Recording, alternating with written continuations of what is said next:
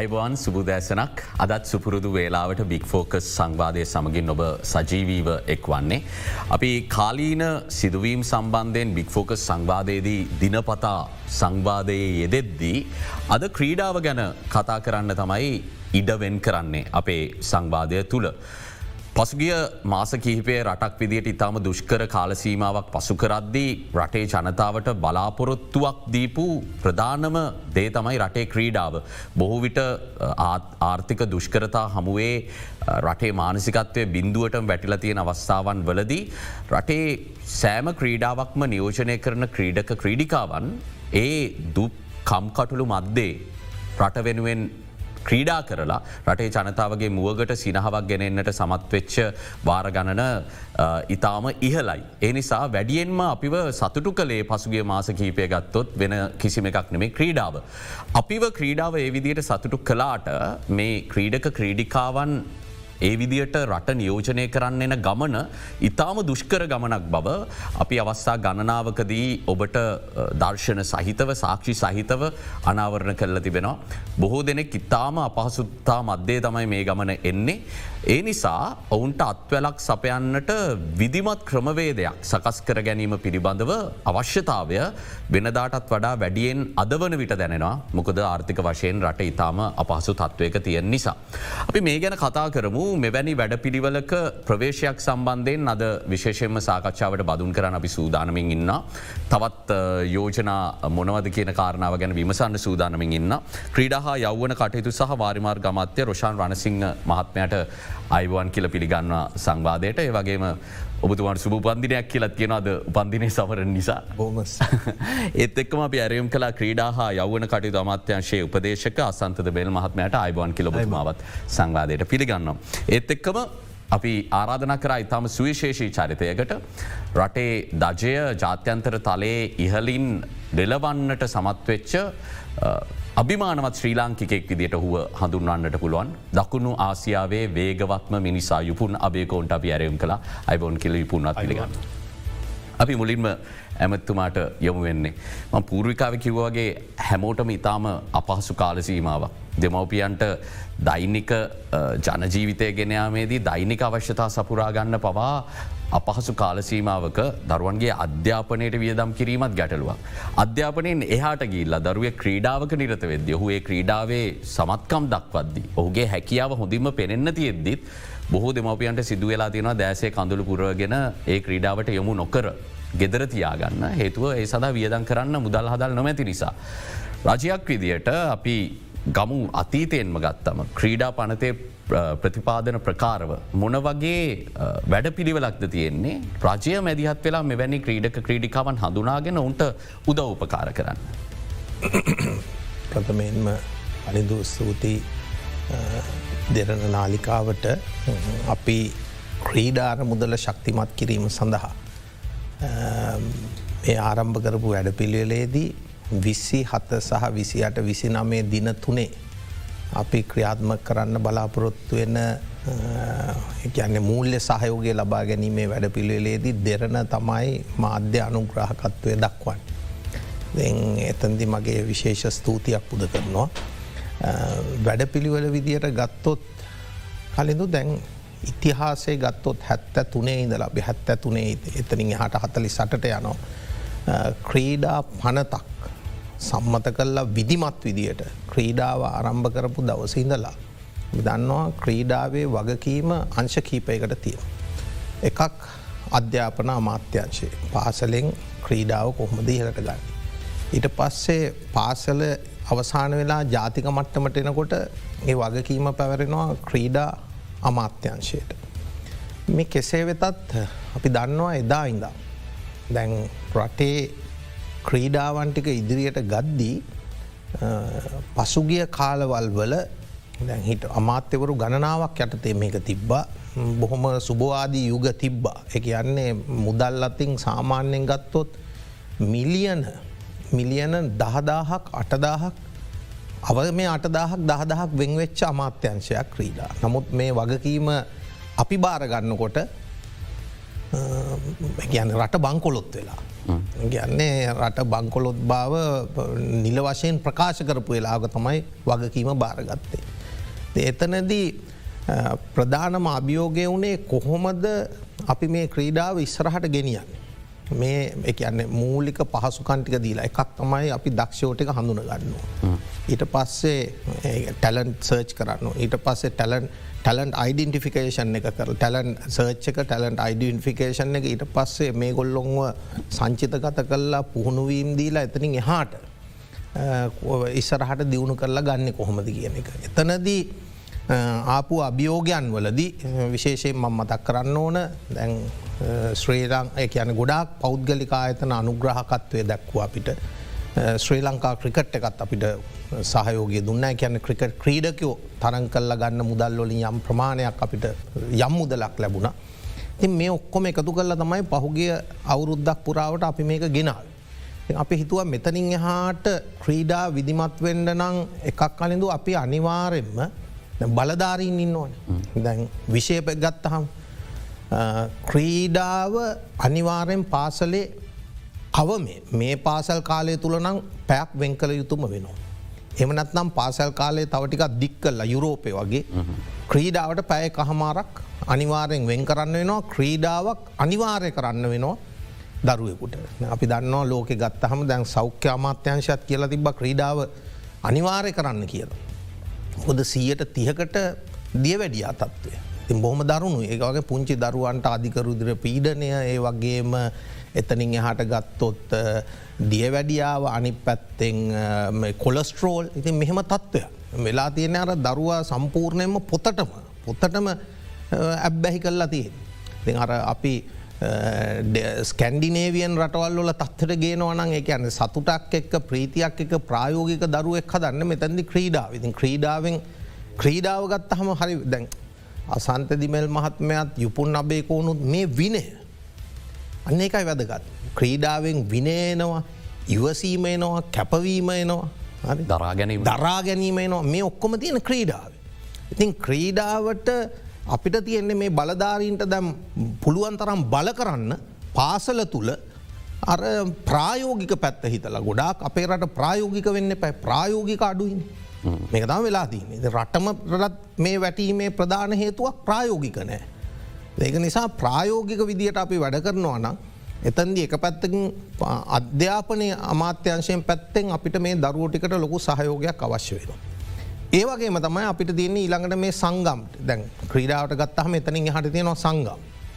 හැත්ත දෙකක් මේ වෙනකොට ලියා පදිංචි කල්ල. අපි හිටානිදට ඇඩවෙන්චර් ස්පෝට්ස් එක දෙහේතුව ගොඩාක් අපිට මේ රටේ දියුණු කරන්න පුළුවන් එකක් ඇඩවෙන්චර් ස්පෝ සංචාර කර්ම සංචාර කර්මාන්තයත් එක්ක ලෝකෙම ඇඩවෙන්ච පැත්තට එන්න පුළුව මොකද අපේ ගොඩක් තියෙනවා ඇඩවෙන්ච. ඒක නිසා ඒකෙදී අලුත් සංගමයක් විදිට අපි ලියාපදිංචි කරනවා හැත්ත තුන්ගනි සංග හැත්ත තුන්ගනි සංගමය විදියට. තෝට මේක තව තව දියුණු කරන්න. ඉතින් මෙතනදී ප්‍රධාන වශයෙන්ම අපිට ඕනුනේ එක පැත්තකින් මුදල්. මෙතෙක්කල් මොන බාධාව තිබ්බත් යුපුන්ට මුදල් ප්‍රශ්නාවා යාට අවශ්‍යතා තියනවා ඉතින් අපි ඒ හැම දෙයක්ම පුළුවන් විදියට අඩුපාඩු කරේ නෑ කරලා තියනවා ඉතින් අනිත් ක්‍රීඩක ක්‍රීඩිකාවොත් එහෙමයි. ආසියානු තරංගාවලියට යන වෙලාවෙත් අපි බැලුව අපේට මාත් එක්ක ඇව්වාහම මුලින්ම තේරීම් කමිටුව ඇහුව කී දෙනකුට අපි සීමා කරමුද. ජාතික තේරීම් කමිටු. මංකුව නෑ. එකක් තමයි ඒ මෙඩල් එකක් ගේන එක. පදක්කමක් ගෙන. අනිත්තක තමයි මෙයාලට ඕන මේ කොල්ලොන්ට එක්ස්පෝෂයක අවශ්‍යයි. එක යන්නේ ගිල්ලා ජාත්‍යන්තර පිටියක තරන් කල් අත්දැකීම අත්දැකීම හරි වැදග. එක නිසා ඉහල මට්ටමක දක්ෂතා තියෙන හැමෝටම අපි අවස්ථාව දෙමු කියට. ඒක දුන්න ඒවගේම දුන්න විතරන්න මේ එකට අවශ්‍ය පහසුකම්ටික විශේෂයෙන්මං චීන රජයට ස්තුතිය පුද කරනවා. ඒවගේම චීන ඔලිම්පික් සංගමයට. ඒවගේම දේශීයව ඔලිම්පික් සංගමය ජාතික තේරීම් කමිටුව ජාතික ක්‍රීඩා සභාව ක්‍රේ සියලුම ක්‍රීඩා සංගම් මේ පසුගිය ආසියානු තරංගාවලියේ රටට කීර්තිය ගෞරවයගෙන මේ සියලු දෙනාම එකතු වුණා අර දක්ෂ මේ ක්‍රීඩක ක්‍රීඩිකාව ඉහලට ගන්න. ටීම්වර්ක් එකක්. ඇතට මේ ටීම්වර්ක් එක තමයි මේ තැනට එන්න හැකියාව ලැබුණ කියන එක තමයි විශේෂයෙන් මම තැදි කිය. ද අසන්තද මෙල් මහත්මයා ඔබතුමා ක්‍රීඩාව තුළ වසර ගණනාවක් ක්‍රීඩකෙක් විදිට අත්දැකිම් තියෙන කෙනෙක් පරිපාලකෙක් විදිට අත්දැකිම් තියෙන කෙනෙක්. විශේෂම ලංකාවේ ටෙස් තරගයකදී පළවෙනි පන්දුව ඇව්වේ ශ්‍රී ලංකා වෙනුවෙන් ඔබතුමා. අපි සිහිපත් කරන්න වන මේ වෙලාවේ. දැන් ඔබ පරිපාලකෙක් සහ ක්‍රීඩකෙක් විදිට ලබපු අදැකීම් ඇතුළේ අපි දකින දේ තමයි ලංකාවේ ක්‍රිකට් ක්‍රීඩාව ගත්තම. ජාත්‍යන්තර වශයෙන් ඉහල පිළිගැනීමක් තියෙන මූල්‍යම වටිනාකමක් තියෙන ක්‍රීඩාවක් නිසා. සාමාන්‍යයෙන් ජාතික තලයට ක්‍රීඩා සමාජ මට්ටමට ආපු ක්‍රීඩකෙක්ට ඔහුට ඔගේ ජීවිකාව කරගෙන යන්න සුදුසු වේතනයක් ඉපැයුමක් ලබා ගන්න පුළුවන්. නමුත් අනෙකුත් ක්‍රීඩාවල තත්වේ තාම ශෝෂණීයයි බලද්දි බොහවිට ජාතික තල ඉන්න ක්‍රීඩකින්ට පවා රැකියාවල නියලෙන්න්න වෙනවා ඒවත් එක්ක උන්ට පුහුණුවීම් කටයුතු කරන්නට ඉතාම අපහසු තත්ත්වයක් නිර්මාණය වෙනවා. මේ තත්ත්වය නිවැරදි කරන්න ක්‍රීඩ අමාත්‍යංශ පැත්තේ ඔබතුමා දැන් අද උපදේශකෙක් විදිට. මොන වගේ අවධානයක්ද මොනවගේ ප්‍රවේශයක්ද ගන්න ඕනි කියල බතුමා විශ්වාස කරන්න. මංහිතන්න ඇත්තරම ක්‍රිකට් කීඩාව ගත්තත් අපි ක්‍රිකට් පටන්ගන්නකොට ක්‍රිකට් වලට සල්ලි තිබෙත් නෑ වගේම තමයි. ඇත්තටම අර්ජුනන්තුන්ග මාත්‍යයාගේ එක්දස් නමසි අනුහයේ ලෝක වර්ල්කප් එක දින්නට පස්සේ තමයි ඇත්තරම ක්‍රිකට්වලට මුදල් එන්න පටන් එන්න පටන් ගත් මොකද අපි ගහන කාලය වුනත් මයිතන් ටෙස් මච්චේට අපිට ගෙව රුපියල් පන්දයි දැන් අද ඩොලර් හත්දස් පන්සියක් වගේ ගෙවන එක මැච්චයකට ඒකාල සල්ලි තිබ්බෙනෑ මේ මේ තත්ත්වම තමයි තියන් ඉතිං අර ඒ ක්‍රීඩාවෙන් ඉහල ඇවිල්ලා යම්කිසි මේ පිළිගැනීමක් ලැබුණම තකොට ස්පොන්සර්ස්ලා ඒවයි කට්ටිය ආව. ඒ මයිතන මේ අනිත් ක්‍රීඩාවලටත් තියෙන ප්‍රශ්නය ඇවිල්ලා ඒ තත්වර තාම එන්න බැරි වෙලා තියෙනවා. ති හින්දා මයිතන්නේ මේ ඇමතුමා සෑන මේකක් ගන්නවා මේ උනන්දුවක් ගන්නවා මේ ස්පෝට්ස් උස්සල තියන්. ඉතින් මංහිතන්නේ එතුමා දැම් මේකට කරන්න යන්නේ දැන් මහිතන්නේ එතුමා මයිද ඉවෙන් සුනද ගොද ඕගනයිස් කල තින විසි හත විසිට විසිනමය. රුපියල් බිලියන රුපියල් බිලියන එකතු කරන්න. මොකද ඇත්තරම මේ කට්ටියට ඒ පාසුකන් දෙන්න ඇතුව හුව කමාරු ඒ තත්වයට ගේන්න. මම් දැක්ක උපුන් යුපුන්දුවනවා නමේ දස්ම නමය හයට. මන් මංහිතන මන් ජීවිතර දැකරන ලංකාවක් කෙනෙ ඒ ස්පීඩ් එකට දුව ලකුණු ආසියාවම නෑ නෑ කවුරුත් නෑ ඉතින් ඒ වගේ මේ ඉච්චර දක්ෂතාවයක් තියනෙක් කෙනෙට අපිට පුළුවන්ගෙන් ඕනේ ක්‍රීඩා ඇමතිවරයට මුදල් තියෙන් ඕනේ වගේ කෙනෙක්ව උඩට ගේන්. ඒ වගේම අනිත් අනි ක්‍රීඩාවලටත් මුදල් අවශ්‍යය. ඉතින් ඒ මුදල් ලබාගන්න ක්‍රමයක් තමයි හොයන්න ඕන මොකද ඇමතුමා කිව්වාගේ දැන් අදට ආණ්ඩුවට එච්චර සල්ලි දෙන්න විදියක් නෑනේ සල්ලි හිගත් තියන අවසාන අයවැයෙන් ඇමතුම අපිට ක්‍රීඩාවට කොපන මුදලක්ද වෙන්නුනේ දෙදස් විසිතුන වර්ශය සදා. සාමාන්‍යයෙන් ඔක්කොම කියන්නේ මේ කියන්නේ මූල දන්න ඒවගේම සියලුම පරිපාලන කටයුතු පලි නඩි සියල්ලට පුනරාවර්තන මේ ඔක්කොම ගත්තොත් අපිට සාමාන්‍යයෙන් වෙලා තියෙන්නේ මිලියන දාහක් විතර. හොඳයි මම ජිපුන්ට යෝල විශාල වැඩකොට සත්නවා කියන්නේ වැටුප්පේ ඒ වගේ වන්න පැදිලි පැදිලි තියන දාහ ප්‍රමාණවත් නෑ. ඊට කැන්ට අතේද. එතනදි දැන් ක්‍රීඩා බාණ්ඩ සහ ක්‍රීඩා සංවර්ධනයට අපිට හම්බුණේ මිලියන සීයයි. මොකද හේතුව? ඉතින් ඇත්තටම බාණ්ඩාගාරයටත් ඒකට අපිට කිය මුකුත් කියන්න බෑ. රටේ තත්ව එක් නමුත් මංහිතනෝ ක්‍රීඩාවට ප්‍රමුඛතාවේ දෙන්න ඕන. එති එතනදී මිලියන සීයත් ප්‍රමුඛතාවය ක්‍රීඩාව නෙමේ කියන මතෙත් එක්ක එකත් මට අමාරුණා ගන්න ළඟදි තමයි ඊය පෙරේ තමා එකටත් අනුමැතියක් ගත්තේ ලොකු වාදයක් කල්ලා. ගන් ජනාධිපත්තුම අයවැය වෙන් කල්ල දුන්නත් එක පරිපාලනය විසින් නිදහස් කල්ල දුන්නේ නෑ ක්‍රීඩාව ප්‍රමුඛතාවේ නෙමේ කියලා. මංහිතනවා මේ සෞඛ්‍යයට අසීමිත මුදල් ප්‍රමාණයක් රටේ වෙන් කරනවා. ඉතින් දැම් මේක තව අවුරුදු පහක් ඉස්සරහට හිතන්න එප. ලෙඩ්ඩු කොඩකට වියදං කරන ගානක් තින් අඩු කරගන්න පුළුවන්නේ. ඉතින් අපේ අර අපි අර එදාවේල හිතනෝ මිසක් අනාගතය හිතන්නේ නෑ. මේක තම එක ඉතින් ඒතකොට හිතනවා ක්‍රීඩාව ප්‍රමුඛතාවේ නෙමේ කියල. තින් සෞක් අධ්‍යාපන අමාත්‍යංශයටත් වගකීමත් තියෙනවා. දැන්වත් මේ බල විශේෂයම පරිපාලනයට. ඇමතිවරයට මේ තාක්ෂණික පැත්ත හිතන්න ඕන නිලධාරි. ඒකට මන් තරේ බලපෑම් කරනවා. ක්‍රීඩාවට පැක් මේ වෙලා වැඩි කරන්න වෙන් කරන්න. එහමනත්තං වෙලා වැඩි කල්ල එක කළ යුතුයි. ඊළඟ එක තමයි සෞඛ්‍ය පැත්තෙන් ගත්තොත් සෞඛ්‍ය සම්පන්න පිරිසක් ඩිහි කරන්න නම් සෞඛ්‍යයත් වගකීමක් මේකට මැදිහත්වීම. යුපුන් ඔබ දකුණු ආසියාවේ වාර්තාව පිහිට උපු අවස්ථාවත් ඔබ ඔබට වඩා අනෙකුත් ක්‍රීඩකයන් ගැන කතා කර අපි දැක්කමකද ඔබට ඉතාලියට යන්නට අවස්ථාව ලැබුණ. ඒ අරහා ඒ ඉතාලියේ පූුණුකාරිත්වය ඔවුන්ගේ සහයෝගේ ලබාගන්න හැකියාව ලැබුණ. ඒ හරහා ඔබේ ක්‍රීඩාවට කොච්චරය පන්නරයක් බවට පත් වනාදගේ ලොබ කතා කලා. නමුත් දැන් පන්නල ජාතික පාසලෙන් පටන්ගත්ත ඒ ගමන ගැන අපි අයි අවධානයමු කරදදි ක්‍රීඩකයගේ අත්දැකීම් තුළින් මං කැමති ඔබ විස්සර කරනවාන විශේෂම මල්ල ක්‍රීඩාව ඇතුළු මේ වන විට ඉහල මුල්ල වටිනාකමක් ලැබිලා නැති ක්‍රීඩාවල නියලෙන ක්‍රීඩකයින්ගේ දුක්කම් කටුළු ගැන කතා කල් අපි ප්‍රවේශයක් ගමු කියල මං ආරාධනා කරනවා. ඔව ඇත්තරම දැන් ක්‍රීඩකෙක් විදිහට ම මේ වගේ අවස්ථාව කැවිල්ලා ලංකාවේ මේ ස්පෝට්ටික ඉන්න හැමෝ වෙනුවෙන් මට වචනයක් කියන්න පුළුවන් වෙන ගැන මං හිතනවා මට හැමෝගෙම අඩු හෝ වැඩි වශයෙන් එයාලගේ හිතේ තියන දෙවල් කියන්න පුළුවන් වේ කියලමං විශ්වාස කරන ක්‍රීඩගෙක් විදියට මම පොඩි කාලෙදං පියවරෙන් පියවර ඇවිල්ලා දෙදස් පහල වර්ෂයද මම තීරණය කරන ලංකායින් පිට වෙන්න. ඒකට හේතුව ලංකාවේ තිබ්බ පහසුකන් සහ ඒකට තියෙන වැලිව් එක. නැතිකම මම දැක්ක. මට අවුරුදු දහටේ විස්ස වෙදදීම මන් දැක්ක එක මේ ලංකාම ස්පොට් එක් කරලා වැඩක් නෑ කියන එක. ඒත් මගේ හීන තිබ්බා මෙන්න මේ තැනට දවසක යන්න ඕන කියලා. ඒක හීනයක් විතරයි. ඒ හීනට යන්න නම් අපි වහන්සේලා කැපවීමෙන් එතෙන්ට යන්න ඕන. ඉතින් ඒ නිසා මංමගේ සියලුම දේවල් අතඇරලා ලංකාවේ අධ්‍යාපනයක් දාලා මම ගිය රට ගිල්ලා එතැන්ට ගිල්ලා කෝච සරල්තයෙන් හවාගෙන ඉන්න තැන් බලාගෙන ටේනි සෙන්ට සොයාගෙන තමයි මම එක පටන්ගත් එතකොට මට උදව් කරන්න කළ හිටිය බොහොම සුළු පිරිසයි. නමුත් ඒකත් මදිවුණා එහෙ වියදම් වැඩි ගොඩ. ඉතිං එහෙ මගේ මට අම්බෙච්ච කෝච්ල තමයි මට මේ තැනට එන්න ගොඩක්ම උදව් කරේ හේතුවක් නැතුව මොකද මම දුවන්නේ ලංකා වෙනුවේ කොට එයාලට මට කරා කියලා යාලට මොකුත් හම්බෙන්න නමුත් එයාලා මගේ අර තියෙන ආසාාව මේ තැනට යන්න ඕන කියලා දැක්ක දේත් එක්ක යාලමට උදව් කර. ඉතින් මම ඔය සියලුම දේවල් මම පාස් කරගෙන තමයි මේ වෙද්දි මේ ඉන්න පලේසකට ආවේ. ඉතිං ඔය ආපු ගමනේ ඔයා කලින් කිවෝදියනවායේ මේ අර සප්ටෙන් එක දුවලිවෙල්ලා මම කරනවා ප්‍රකාශය.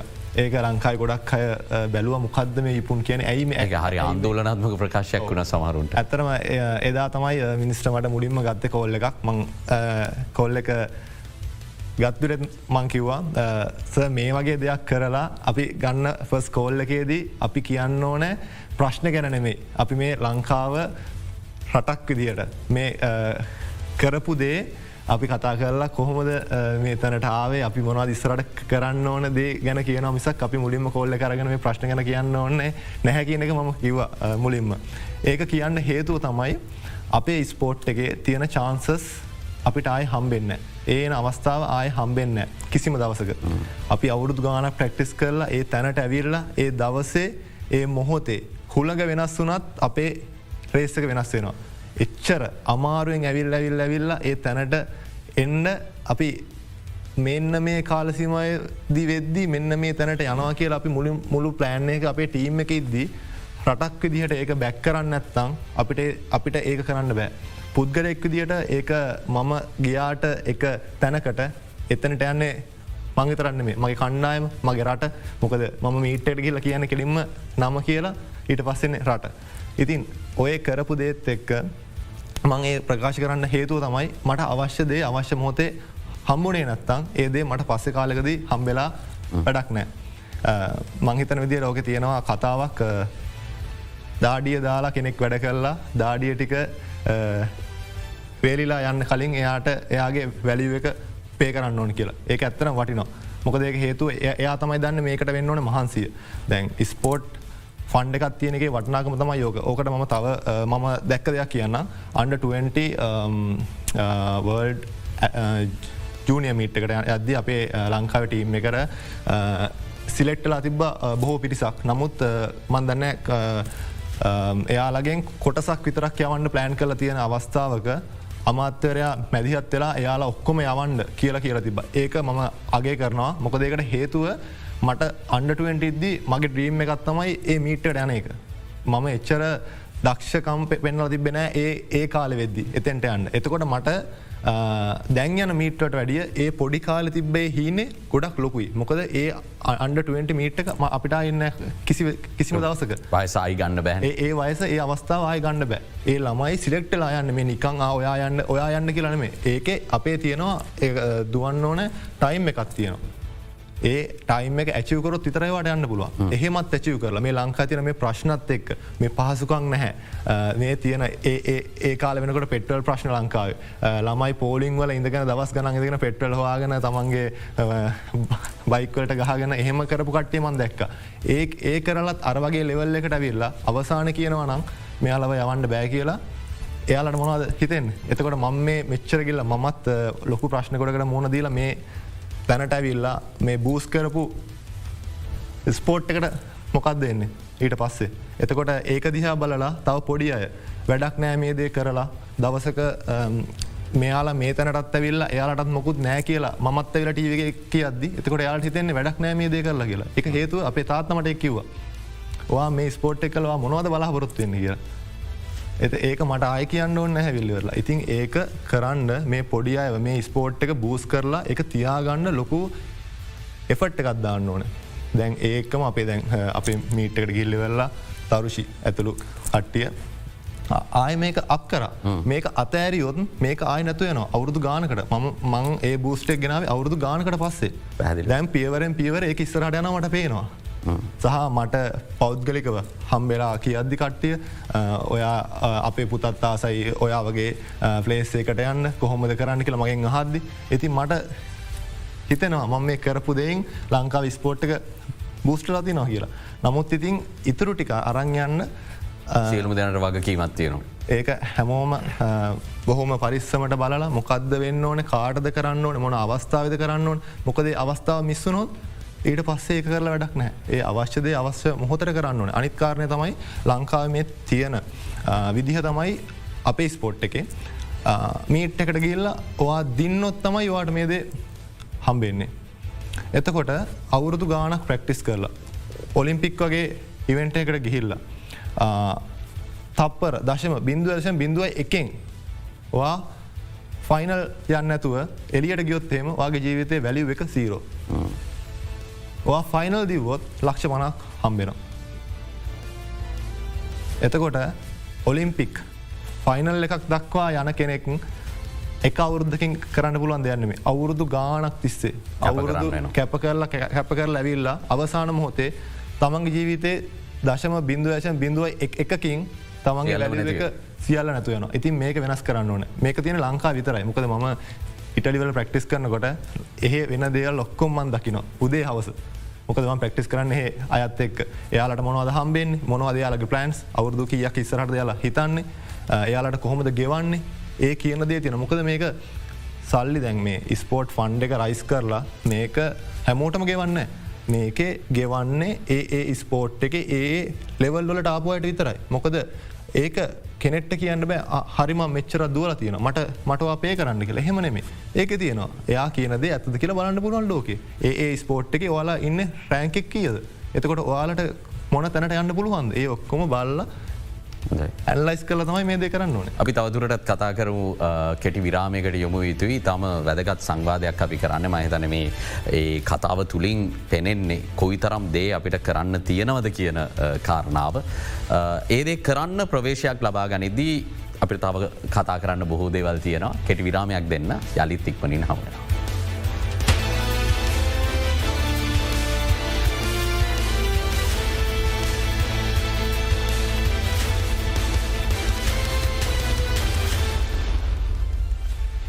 ශ්‍රී ලංකාවේ ක්‍රීඩාව දියුණු කිරීමේ අනාගත සැලසුම් ගැන සාකච්ඡා කරද්දි ජාතික ක්‍රීඩා අරමුදල තවදුරටත් වර්ධනය කරගන්නට අරන්තියන වැඩසටහනක් පිළිබඳවද සාකච්ඡා කරමින් සිරින්නේ ක්‍රීඩා අමාත්‍යතුමා පැමිණි අපේ ආරාධනා පිළිගෙන ඇමත්තුම දැන් මේ බිලියනයක් දක්වා වර්ධනය කර ගැනීම ගැන කතා කරදදි මං කැමති අහන්න මේ වෙද්දි. අරමුදලේ කොපමන මුදල් සංඛ්‍යාවක් තියෙනවාද. දැනට කලිමු දේන්නේ සාමාන්‍යයෙන් මිලියන තිස් පහයි.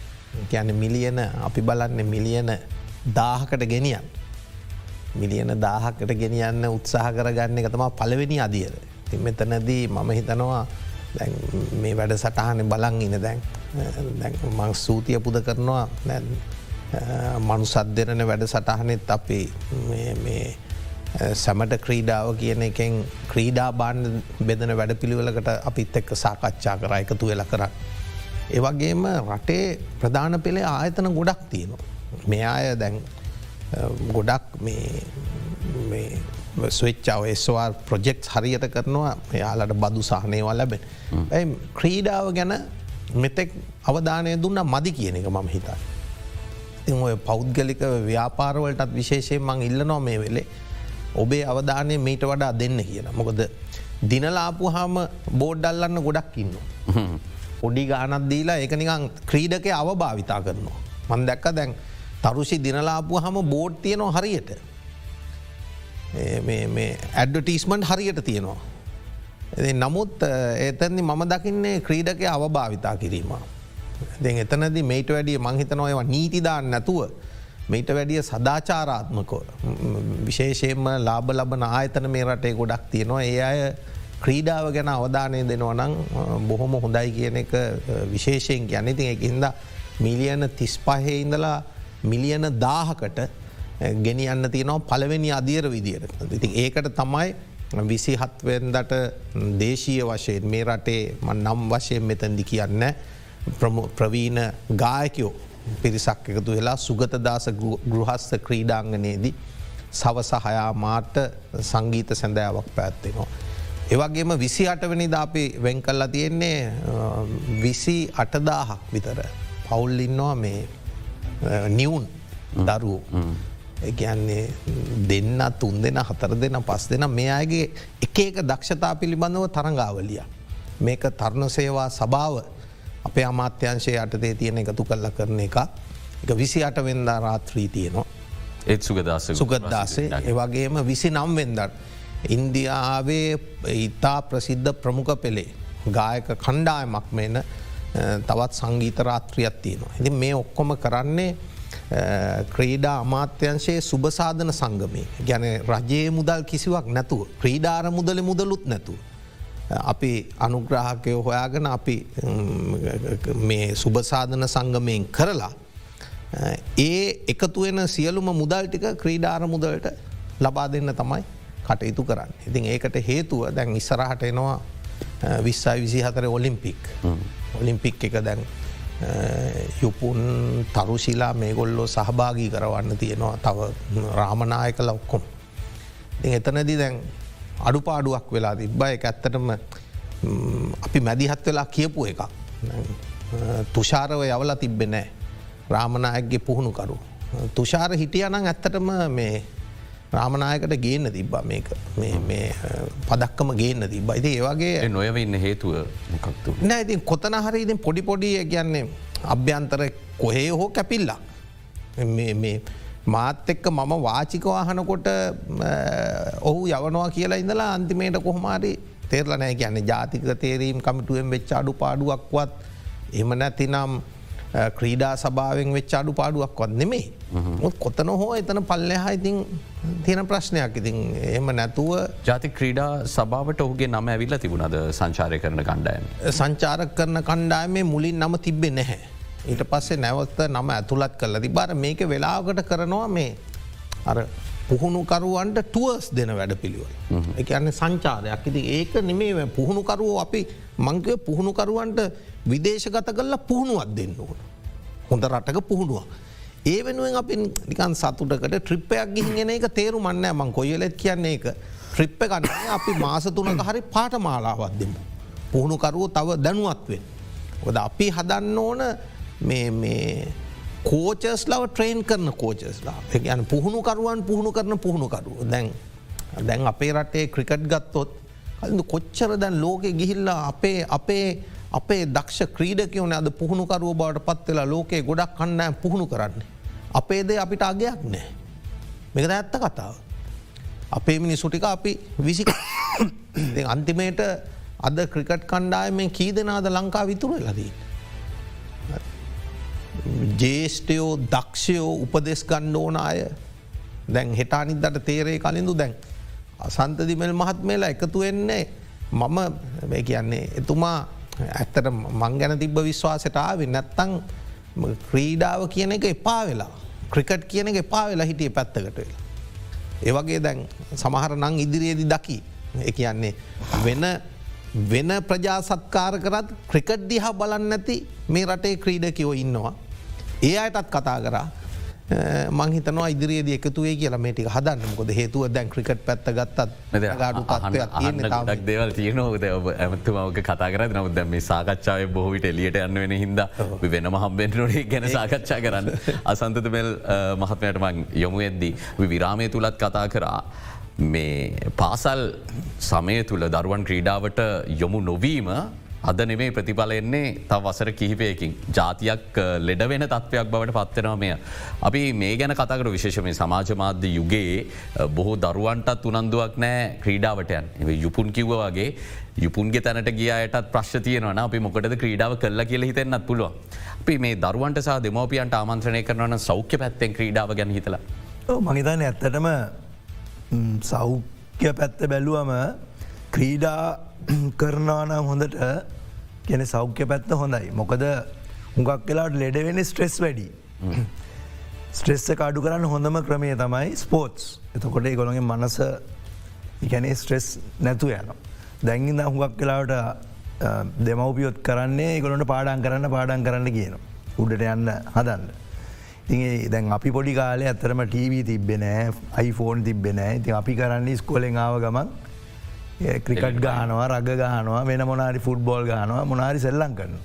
තින් ඒකෙන් ඇත්තරම එකක් ඇවිල්ල දැන් ඔබිසිටි ගෙන ගැන ළමයි දැන් ඉස්සරට වැඩිය අපේ කාලට වැඩිය දැන් ළමයි හුඟක් මහත එ හුඟක් ඒගොලු ක්‍රීඩ අඩුයි. ති ඒවත් සෞඛ්‍යයට බලපානවා. ඉතින් මංහිතන්නේ ඇමතුමා කියන එක වැදගත් මොකද අධ්‍යාපන දෙපාත්වෙන්තුවත් මේක බලන්න ඕනේ සැත්තරම බලලා යම්කිසි කාලයක් වෙන් කරන්න ඕනේ ළමයින්ගේ මනස. ඒකැන්නේ හදන්න. එතකොට ඒගොලොන්ට පුළුවන්. අනිවාර්ය කිරීම වගේ අනිවාර්ය කරන්න ඕනේ නෑ. මංහිතන්නේ ඒගොලොන්ට පැහැදිලි කරල දේවර අනිවාර්ය කරන එක අමාරුයි. සහැක් තිබුණ මගේද ඕ අනිවාර්ය කරන එක නේ මහිතන්නේ ඒගොලොන්ට ඒක කියල දුන්නොත් ආකල් පහද ආකල් පැහැදුවොත් මහිතන්නේ එතකොට දෙමව්පියෝයි ළමයි නොයි ඒ ස්කෝලවල ඉන්න කට්ටියයි ඒ ළමයිංග පොඩ්ඩක් ඉස්සර අපි ඉන්නම ඉන්ටවල්ල කෙනකල් ගොද තොට බෑග් දෙයක් දානවා ක්‍රිකට් ගාන. දැන්ගේම නෙවෙන දැන් මොනාරි අවස්ථාවකවත් ටෙලිෆෝන් එක YouTube කරයි නැත්තම් වෙන මොනාහරි කරනවා. ඒ ඒකෙන් වෙන්නේ තවත් ස්ට්‍රෙස් වැඩිය නවා මොකොද මේ මේ ඒගොලොන්ට අර වෙලාක් නැද ඒගොල කියන්න හුඟක් කලාවට පැයක් ඇවිද්දෝ තැන්දෑවට එක හුඟක් හොඳයි කියලා ඉතින් ඒක ව්‍යයාමයක්. ඒ වගේ තමයි ස්පෝට් එකත් ළමයින්ට සෙල්ලං කල්ලා එම් ඒගොලොන්ගේ අර ස්ට්‍රෙස්ස ගඩු කරගත්තම ඔය මහිද සෞඛ්‍ය පැත්තත් හුඟක් ඉම්පරූ වෙනවා අනිවාරය. දයි යුපුන්ට යොමුුවෙන් ඕනේ නමුත් යුපුන්ට යොමුවෙන්න කලින් කෙටි විරාමයක් අරගෙන එන්නම් ඉක්මනින්ම ඔබත් සමග අලිත් සම්බන්ධය.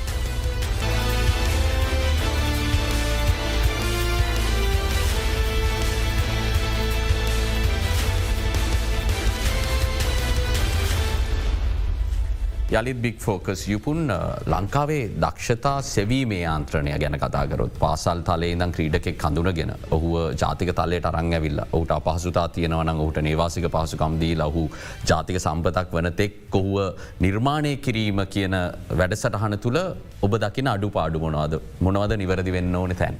ඔව ඇත්තරම ඕක අර ගමේ ඉඳලා කියන කෑල්ල අපිට යන්න පුළුවන් ප්ලෑන්ස් සීවලට විතර. දැ මේ වෙද්දිත් එතෙන්ට ආපු කට්ටියක් ඉන්නවන. මංහිතන විදිහට එයාලගෙන් තමයි මේක පටන් ගන්න ඕන.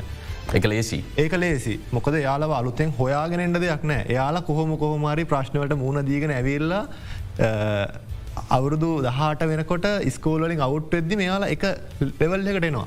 ඒ දාඩියවලට වටිනාකමත්වය දෙන්න දී. ඕ එතනින් පස්සේ මොකද දැම් මේ මෙතුමා කියපු එකක් තමයි කාරණයා. මේ අම්මල තාත්තලට නිතරම කියන පාඩන් කරන්න පාඩන් කරන්න කිරවෙල එකට කියන්න හේතුව සාධාරණයි. මොකද අධ්‍යාපනය ගත්තොත් තමයි මේ ලංකාවේ ඉස්සරහට යන්න පුළුවන් කියනදේ ඒ පාත් එක ඒ මාර්ග ශුව කැම්පස් ගේල්ලා රිසිග්‍රිකක් කරගත්තොන් ඔයාට කොහරි ජොබ්යක් තියෙනවා කියෙනෙක ශුවර් හැබැයි මේ ස්පෝට්ටයක් කරන්න තෝරගෙන මේක ගිහිල්ලා ඔයා කොතෙන්ට යයිද මොකද මේක උත්සා කරන්න ඕන ක්‍රීඩකයෝ ලක්ෂ ගාන දෝනෝ මේ මීට සියකෙන ස්පෝට් එක දිනන්න එක් කෙනයි. එතකොට ඉතුරුවට මොකද වෙන්නේ. එතකොට ඒ වගේ රිස්කි දෙයක් තෝරගද්දී වාසනාව කැපවීම මහන්සේ ඔක්කොමත් එක්ක නොක තීරණය වෙන්න එතකොට අම්මෙක් තාත්තෙක් කිසිම වෙලාව කියන්න මෙයාට මේ ස්පෝට්ක තෝරගන්න කියලා. එතකොට හැබැයි මේ ස්පෝට් එක තියෙනවනම් වැලිව් එක ඔයා මේ තැනට යනකොට ඔයාට මේ මේ දේවල් හම්බෙනවා. මේ තැනට ගියට පස වාට මෙන්න මේ වගේ ගයක් කම්බෙන කාරයක් කම්බෙන වාට මෙච්චර සල්ලිගනක්වාට හම්බෙනවාගේ මහන්සියට. ඔයා කරන දේට. එතකොට වාට ඉලක්කයක් තියෙන මෙතැන්ට ගියොත් වාට මේද හම්බේ කියලා. එහෙම වුණොත් අම්මල තාත්තල වනත් පුතේ කමක් නෑ ඔය ආසයි නම් මේ ස්පෝට්ට අයි මාර්ගතෝර ගන්න මොකද අපි හැමෝටම තියෙන එක ආසාවල් එක පාත්. එතකොට අම්මල කවදක්වත් කියන්න පුතේවා ඉගෙන ගන්න මොන කියර. එතකොට අර වැලි ඔබ දක්ෂ ක්‍රීඩාවට නම් ක්‍රීඩා කරන්න කියල කියන අනිවාරෙන් කියෙන මොකද යාල දන්න ආකමක් නෑ කරාට ප්‍රශ්නයන්න කරොත් අන්න ඔයාගේ ජීවිතේ ලෙවල් එක කියලා. ඉතින් දැන් ඔන්න කාරණත් එක තමයි අර කලින් කිව කාරණය සම්බන්ධ වෙන්නේ. ස්පෝට්ට කර ආසාාවට ඉස්කෝල ඉන්න කට්ටිය කාලෙත් එක්ක ඔත්තනින් මගේ අරනවා. අර ස්පෝට් එකට අර ලේවලටම ගිහින් තියෙන කට්ටිය තමයි ටික ටික ටික ටික මේ ෆිල්ට වෙලා ෆිල්ට වෙලා ෆිල්ට වෙලා උඩට එන්නේ. ඒ ඇවිල්ලා නැශනල් ලෙවල්ලකට ආව කියන්නේ එයාලා තමයි මේ ලංකාවේ ඒ අදාළ ඉවෙන්ට් එක හෝ ස්පෝට් එක ඉන්න හොඳම කට්ටිය. එතකොට එයාලව ඒ තැනින් ඒ ස්පෝට් එක උඩට ගෙනියන්න කොහොමද කියන එක තමයි තියෙන ප්‍රධාන ප්‍රශ්නය වගකීම. ඉතින් ඕක කරන්න තමයි අමාත්‍යවරයාගින්දලා ඒ පහල ඉන්න පිරිස මේකට අවශ්‍ය දේවල් කරන්න ඕන. ඒක සාමාන්‍යෙන් දැම් මගේ තියෙන එක්ස්පිරියන්ස එක තමයි මට ප්‍රශ්නයක් කවත් මම මිනිස්ට ම කෙලීම කෝල් කලගෙන ස මට මෙම ප්‍රශ්නයක් තියෙනවා කිය. දැ මට තියෙන ප්‍රශ්නය ඔතනින් පහලින්න කට්ටියට මෙතුමට කෝල් කරලා ප්‍රශ්නයක් කියන්න බෑ. සහයම අවශ්‍යත් නෑ. ඒක මම ක්‍රඩෙක් විදිර මන් දකින මොකද ම එහ ඉන්නකොට ඉතාලිය කොහොමද වෙන්න කියනදේ මන්දකින මේක පොඩි කෙනෙක් මෙහෙම ගොඩක් අය පහුකරගෙන ඇවිල්ල තමයි මිනිස්ට්‍රකාවට එන්න ඕන. මිනිස්ටට අවශ්‍යනය හැම කෙනටම කෝල් කල මොකද ප්‍රශ්න කියලාන්න එතනින් පහල ගොඩාක්කින්නවා බොහෝ පිරිසක්කින්නවා පරිපාලනය. පරිපාලනය මේ ප්‍රශ්න විසඳල දෙන්න ඕනේ තැනට එන්ඩ මොකද එහෙම කොරොත් තමයි මේ ස්පෝට් අපට ඉහලට ගෙනියන්න පුළුවන්ගන්න මෙතන මේ ප්‍රශ්න තියෙනකොට මේ දේ කරන්න බැහැ ඒ නිසා අර ෆිල්ට වෙලා එන පිරිස මේ ලෙවල්ලකින් ඊළඟ ලෙවල්ලකට ගෙනියන්න කොහොමද කියනක තමයි තියෙන ප්‍රධානමදේ මේකට පිටරට විදේශ පුහුණුවීම් එතකොට මේ මාසි දෙකේ වනෙමේ. සාමාන්‍ය මගේ ස්පෝට් එකේ කෝෂ් කෙනෙක්ට ඇත්ලේට් කෙනෙක්ව අඳුර ගණ්ඩ මෙයාගේ විදිහවත් කොහොමද කියලා දැනගන්න අවුරුත් දක්කත් යනවා. මොකද එක් එක්කෙනගෙන් කෙනට වෙනස් අපේ ටීම් එක අටක්කින්න වනම් ට්‍රේනිින්ස් අටක් යන්න. ඉතින් එතකොට ඒව තමයි මේකට දැන් අවශ්‍ය වෙන්නේ මේ ස්පෝට්ටෙක් ගෙනියන්. ඉතින් මේ ෆන්ස්වලින් කරන්න ඕන අදාළ කෙනාට අවශ්‍ය මොහොතට. කොච්චරද මෙයාගේ වැලිව් එක? මෙයා කරලා තියෙන මොනවගේ දෙයක්ද කියර බලලා මේ ස්පෝට් එක පියවරෙන් පියවරගෙන අනික මේ ලංකාව ඇතුළේ අර කලින් කියපු කාරණය තමයි අනුග්‍රාහකයෝ මේ ස්පෝට්ට එන්න. එයාලා තාම මේ ගැන අදහසක් නැහැ. මේ ස්පෝට් එක ඇතුළේ කරන්න පුළුවන් දේ ගැන. මේ ස්පෝට් එක ලංකාව අනික් පැත්ත හරවන්න පුළුවන් තරම් පවයකත් තියෙන දෙයක්. ඒකට හේතුව තමයි ලංකාව තුළ මිනිස්සු පාට පක්ෂ බේද අපි ඔක්කොටම තියෙනවා. හැබැයි මේ කවරුහරි ලංකාවෙනෙන් දුවද්දි ලංකාවෙනුවෙන් මැච්චයක් කරි මොක්කර දෙයක් කරද්දි හැමෝම එක්ක වෙලා බලංගෙන මේ ලංකාවේ කොඩිය ඉහලට යනව බලන්න. එතකොට හැමෝම එක්කව් වෙන තැන කොච්චර බූස්ට එකක් තියෙනවාද කියලවෙල්ලා සර්ච් කල බැලොත්හෙම ලොකු දෙයක් කරන්න පුළුවන් මගේ පෞද්ගලික අදකීමත් තියන මේ ඊය පෙරේදා මගේ යාලු මට කිව දේවල් තමා ලංකාව තිබ්බ මැච්චකේදී ෆයිනල් එකේදී ලංකාව පරාදුනා. එදාට ලංකාවේ ඉන්වෙස් කරන කට්ටියට ලොකු ලොස්ට එකක්. හේතුව මේ මැචස් බලන්න එක්කහුවෙන පිරිසට ඒක මෙම කරගන්න බැරිවෙච්ච කරනිසා. ඉතිං ඒකෙන්ම තේරෙනවා ඒක හොඳ පැත්ත. ඇයි මේ ලංකාවේ කොඩිය එතකොට ලංකාව කට්ටිය සෙල්ලංකර මැච්ච එක රේස එකක් බලන්න මිනිස්සු එක්කව් කරගන්න බැරියයි. සාමාන්‍යයෙන් මගේ රේස එකක් දුවන්න දුවද්දියක ලයු පෙන්නන්ඩ ලංකාවේ මීඩියයක් නැහැ. එක පෙන්න්න බැරි හේතු තමයි ලොකු විශාල මුදලක් වියදන් කරන්න ඕනේ තප්පර දහය පෙන්න්න. ඒකට අනුග්‍රහකයකට අනුග්‍රහය කෙන්න. ඉතින් ඒ වගේ ලෙවල් එක තමයි මේ ස්පෝට් එක තියෙන් මේක හැමවෙලේ පොසිටව දෙයක් මේ ස්පෝට් එක. පරාද වනත් මම ක්‍රඩක් විදිිය මේක පොසිටව් මොකද මේක ලේසි නෑ මේ තැනටෙන්ට සාමාන්‍ය ගමේස් සෙල්ලං කරන ස්පෝට් එකයි. ඒකම ෘතිය මට්ටමට ආවට පස්සෙ සම්පූර්ණයෙන් වෙනස්. ක්‍රිකට් වනත් අපි කොච්චර සෙල්ලං කරත් මේ ගමේ ඒක බලලා ඒක එක්ස්පිරසිව තිබ්බට අරවගේ තැනකට වෙල්ලා මේ මිනිස්සු මේ අසූදහක් ලක්ෂයක් විතර ලයු බලන තැනක සෙල්ලංකන කලේසින එක්ස්පිරිස් ඒක මට පෞද්ගලිකව තියෙන එක රේස එකක් ගහාම ඕඩියන්ස එක හතලිස් හතරදහක් හතලිස් පන්දහක් පනස්දහක් සමහලට ලයෝ අපි දිහා බලන්ගෙද්දී අපිට දැනෙන පීඩනය එලින්න කෙනට තේරෙන්න එතකොට මේ ස්පෝට් හැම්වරේම පොසිටව කවදක්ත් පරාදුනත්වයා පරාද වෙන්න යාගේ උපරිම ට්‍රයි කරලා. ක්‍රඩාවෙන් ඉහලට ගිය කෙනෙක් කවද පරාජිතයක් වෙන්න රාජිතයක් වෙන්න ඉතින් ඒ නිසා ඒක තමයි මිනිස්සුන්ගේ ඔළුවේ මේක මේක ඔලු ඇතුට දාන්න මකද මේ ක්‍රඩා හැමලයම් පොසිටව දෙයක් නිසා. පැහැදිලි. ඇමතුම අපිට ඉතාම සුළු මොහොතක් තියෙන්නේ සමබතුමට ආරාධනා කරන යුපුන් කියපු දේත් එක්ක ඔබේ අදහසත් එකතු කල්ලා අපි වැඩ සරහන අවසන් කර පැහැදිලියුම දැන් එතන්දී යුපුන් කියන්නේ දැන් කොහොමද එතනින් එහට ඇත් එක ප්‍රශ්නයක් තියෙනවා දැන් දැන් ඩිස්ට්‍රික් ලෙවල් එක පලාත් ලෙවල් එක ජාතික මට්ටම. මෙතනදී එයාලගේ හැකියාව මත හරි පලවෙනි අද දෙවනි අදන මේ එයාගේ ටයිමිං හරි ලෙන්තක හරි මේ හැම දෙයක්ම අරගන විශ්වවිද්‍යාල ප්‍රවේශයට යම් ලකුණු ප්‍රමාණයක් අනිවාරෙන් කලින්ඳු එකතු කරන්න. එතවට තමාර ක්‍රීඩා කරද්දි වෙන අසාධාරණයට සාධාරණයක් වෙන්න එතන්දී. දැන් ක්‍රීඩා විශ්වවිද්‍යාලය ආරම්භ කරන්න දැන් ඉන්දියාව ගත්තොත් ක්‍රීඩා විශ්වවිද්‍යාල විශාල ප්‍රමාණයක් චීනය ලොකු ප්‍රමාණයක් දැන් චීනය ගත්තොත් දාහයි සහභාගි කෙරෙව්වේ දෙසීයකට ආසන්න ප්‍රමාණයක් රන් පදක්කම් වෙනස පේ නොනක දාහකින් දෙසීය පහට එකක්.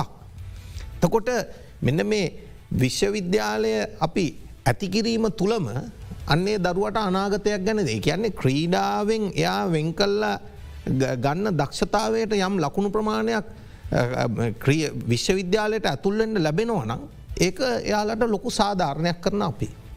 අනිත්තක තමයි ක්‍රීඩකයාගේ ආර්ථිකය කොහොමද ගැන ක්‍රීඩාව කොයි මට්ටමින් ගියත් එයාව රැකගන්න විදිිය. ති ඒ කියන්න ඔහුට සාධාරණ රැකියාවක් හදල් දෙන්න හොඳ ආදෑම් මාර්ගයක් හදල දෙන්න ක්‍රීඩාව ඉදිරියට ගෙනියන්න යාව දායක කරගන්න මෙන්න මේ වැඩ පිළිවල් තමයි අපි සාකච්ඡා කරන්න දැන් දැන් හයිපෆෝමන්ස් කියලා අපි ඔය දක්ෂතා හඳුරගන දෙසීයකට.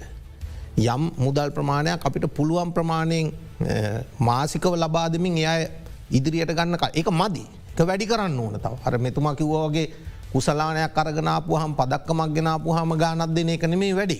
ඒට ඒට කලින් එයාලට අත දෙන්න ඕන. ඒ නිසාම තමයි කලින්ඳු මේ ක්‍රීඩාර මුදල් ශක්තිමත් කරන්න කටයුතු කර ඉතින් එකින්ද මේ රටේම විශේෂයෙන් මං ඉල්ලනවා විසි හත්වනිදත් විසි අටත් විසි නම්වෙන්දත් ඔබේ දායකත්වය ඇවිල්ලා ක්‍රීඩා වෙනුවෙන් ලබා දෙන්න ටිකට් පතක් කරගන මේ සංගීත සැදෑවැල් සහ විශේෂ ඔක්තෝබර් හත පැවැත්වෙනවා ලංකාවේ තම ජනප්‍රිය සංගීත ශිල්පීන් සහභාගි වන සංගීත ප්‍රසංගයක් ඔක්තෝබර් විසි අට පැවැත්වෙනවා මිස්සන් මිට ටීන් ශ්‍රී ලංකා තරංගාවලිය එහි අවසන් තරගය පට නරබන්න යන්නට පුළුවන් ඒත් එකම ඔක්තෝබර් විසි නමය දකුණු ඉන්දිය ප්‍රවීණ ඒවගේම ජනප්‍රියම කලාශිල්පීන් සහභාගි වන සංගීත ප්‍රසංගයක් සජීවීව පැවැත්වෙනවා දැන් මේ සංවාදය ඔබ අසා සිටියට පස්සේ ලංකාව පුරවැසියන්ගේ දායකත්වය අපේම සහෝදර ක්‍රීඩක ක්‍රීඩිකාවන්ට අත්‍යවශ්‍ය බව හොඳින්ම වැටහෙන එනිසා මේ තමයි අපේ